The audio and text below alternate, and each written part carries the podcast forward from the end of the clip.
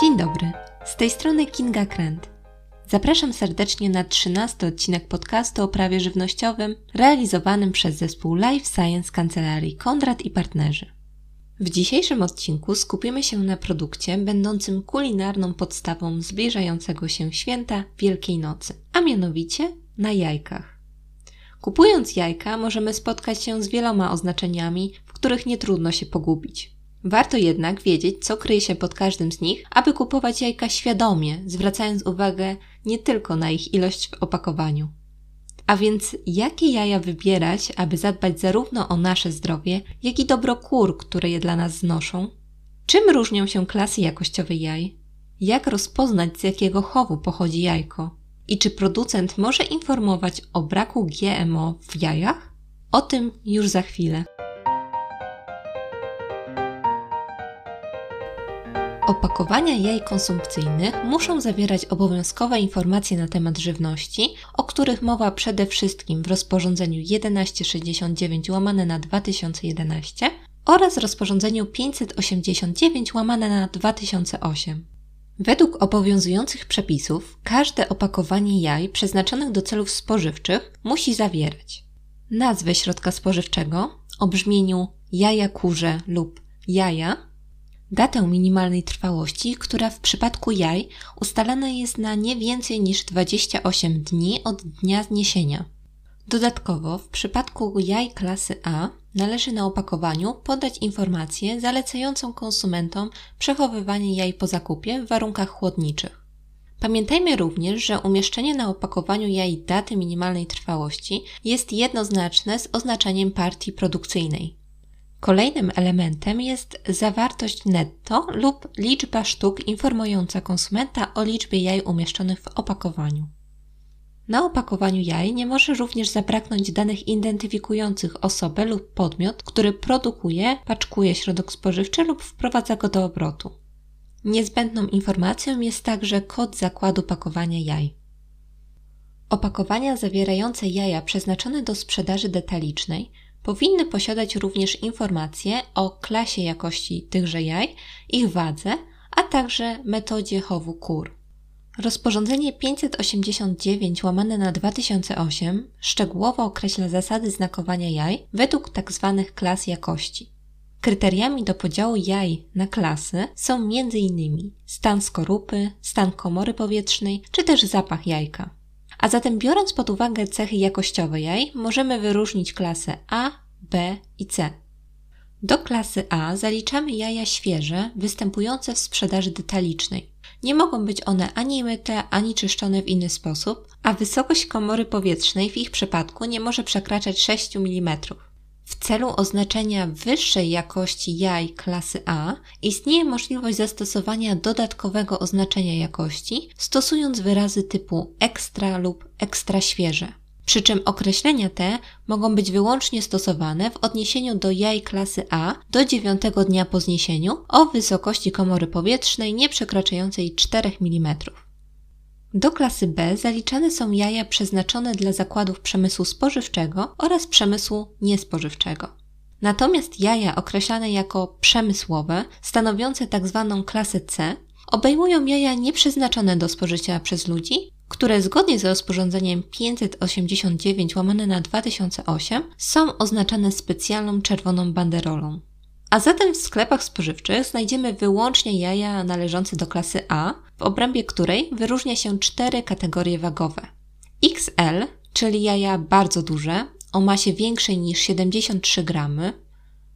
L, jaja duże, o masie od 63 gramów do 73 gramów. M, jaja średnie, o masie od 53 gramów do 63 gramów oraz S, jaja małe, o masie mniejszej niż 53 gramy. Jeżeli w opakowaniu znajdują się jaja klasy A o różnej wielkości, wówczas na powierzchni zewnętrznej opakowania zamieszcza się opis jaja różnej wielkości i wskazuje się minimalną masę netto jaj w gramach. Warto wiedzieć, że wielkość jaj kurzych uzależniona jest w szczególności od wieku i rasy kury nioski. Wraz z wiekiem zwiększa się wielkość jaja. Kury młodsze znoszą zwykle jajka mniejsze, czyli te w rozmiarach S i M, natomiast starsze większe w rozmiarze L i XL. W Polsce obecnie wyróżnia się cztery metody chowu kurniosek. Dominującym modelem jest chów klatkowy, którego udział w rynku to ponad 80%. Ściółkowy to około 11%, wolny wybieg niecałe 4%, natomiast chów ekologiczny wynosi poniżej 1%. Co istotne, metoda chowu przedkłada się na oznaczenia pojawiające się na skorupkach jaja. A zatem cyfra 0 oznacza, że jajo pochodzi z hodowli ekologicznej, od kury z wolnego wybiegu. Chów ekologiczny zapewnia ptakom najwięcej przestrzeni. Wedle przepisów na 1 m2 kurnika może przypadać najwyżej 6 ptaków. W tym przypadku zwierzęta muszą być karmione wyłącznie paszą z upraw ekologicznych. Cyfra 1 oznacza, że jaja zostały zniesione przez kury z chowu wolnowybiegowego, które w ciągu dnia muszą mieć dostęp do wybiegu w przeważającej części porośniętego roślinnością. Mogą one zatem opuszczać kurnik, w którym mają miejsce nagrzędzie oraz ściółce. Przy czym zagęszczenie zwierząt jest wyższe niż w przypadku chowu ekologicznego i wynosi maksymalnie 2500 kur na 1 hektar wybiegu. Cyfra 2 oznacza, że jaja znoszone są przez kury żyjące w zamkniętym pomieszczeniu wyposażonym w gniazda, grzędy oraz ściółkę. Zwierzęta żyją w dużym ścisku. Na 1 metr kwadratowy powierzchni użytkowej przypada maksymalnie nawet 9 niosek. Mogą one jednak poruszać się po kurniku i nie są trzymane w klatkach.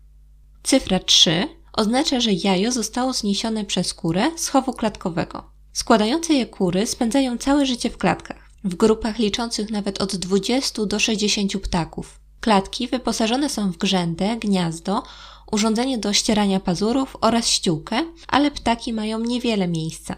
Na jedną kurę przypada kwadrat o boku około 27 cm, czyli trochę krótszym niż dłuższa krawędź kartki A4. Istnieje również możliwość kupienia jaj nieoznakowanych. Są one dostępne na bazarach, pochodzą z gospodarstw, w których hoduje się do 50 kur. Takie jajka nie mają oznaczeń, ale w miejscu ich sprzedaży powinna znaleźć się nazwa i adres gospodarstwa, z którego się wzięły, albo imię, nazwisko i adres producenta. Warto również podkreślić, że jajka tego typu wcale nie muszą pochodzić z systemu otwartego. Od lat toczy się dyskusja na temat dobrostanu kur znoszących jaja w hodowlach przemysłowych. Lecz dopiero w ubiegłym roku 2021 władze Unii Europejskiej po międzynarodowej akcji społecznej podjęły decyzję o wprowadzeniu zakazu chowu klatkowego do 2027 roku. Nowe prawo ma zostać wprowadzone stopniowo i obejmie nie tylko kury, ale także inne zwierzęta, które całe lub większość swojego życia spędzają w ciasnych klatkach więc z całą pewnością powinniśmy być przygotowani na zmiany w tym obszarze. Decydując się na zakup jaj, należy zachować czujność. Przedsiębiorcy zamieszczają często na etykiecie swoich produktów hasła typu jaja wiejskie, jaja z zagrody czy jaja od babci. Każdorazowo w takiej sytuacji należałoby zweryfikować pierwszą cyfrę stempla na jajku. Zdarza się bowiem, że nieuczciwie producenci zamieszczają takie hasło marketingowe, a na skorupce jaj widnieje stempel z trójką oznaczający jajo z chowu klatkowego. A co z oznakowaniem typu jaja wolne od GMO czy jaja bez GMO? Warto wiedzieć, że stosowanie takich określeń jest praktyką wyłącznie nieuczciwych producentów żywności. Obecnie wszystkie jaja znajdujące się w obrocie są wolne od GMO. Co prawda, większość pasz, którymi karmione są kurynioski, są genetycznie modyfikowane. Jednak badania naukowe wielokrotnie udowodniły, że łańcuch DNA paszy genetycznie modyfikowanej ulega rozpadowi w jelitach kur, a zatem nie przenosi się ani do mięsa, ani do jajek. Deklarowanie, iż dane jaja są wolne od GMO, stanowi wówczas nieuprawnione przypisywanie szczególnych właściwości określonemu produktowi, podczas gdy wszystkie jaja dostępne w obrocie posiadają takie właściwości. Serdecznie zapraszamy do kontaktu z kancelarią Konrad i partnerzy w przypadku pojawienia się jakichkolwiek wątpliwości w zakresie znakowania środków spożywczych. Wszelkie zapytania można wysyłać na adres mailowy prawożywnościowe a tymczasem życzę Państwu wesołych świąt wielkanocnych i smacznego jajka. Do usłyszenia!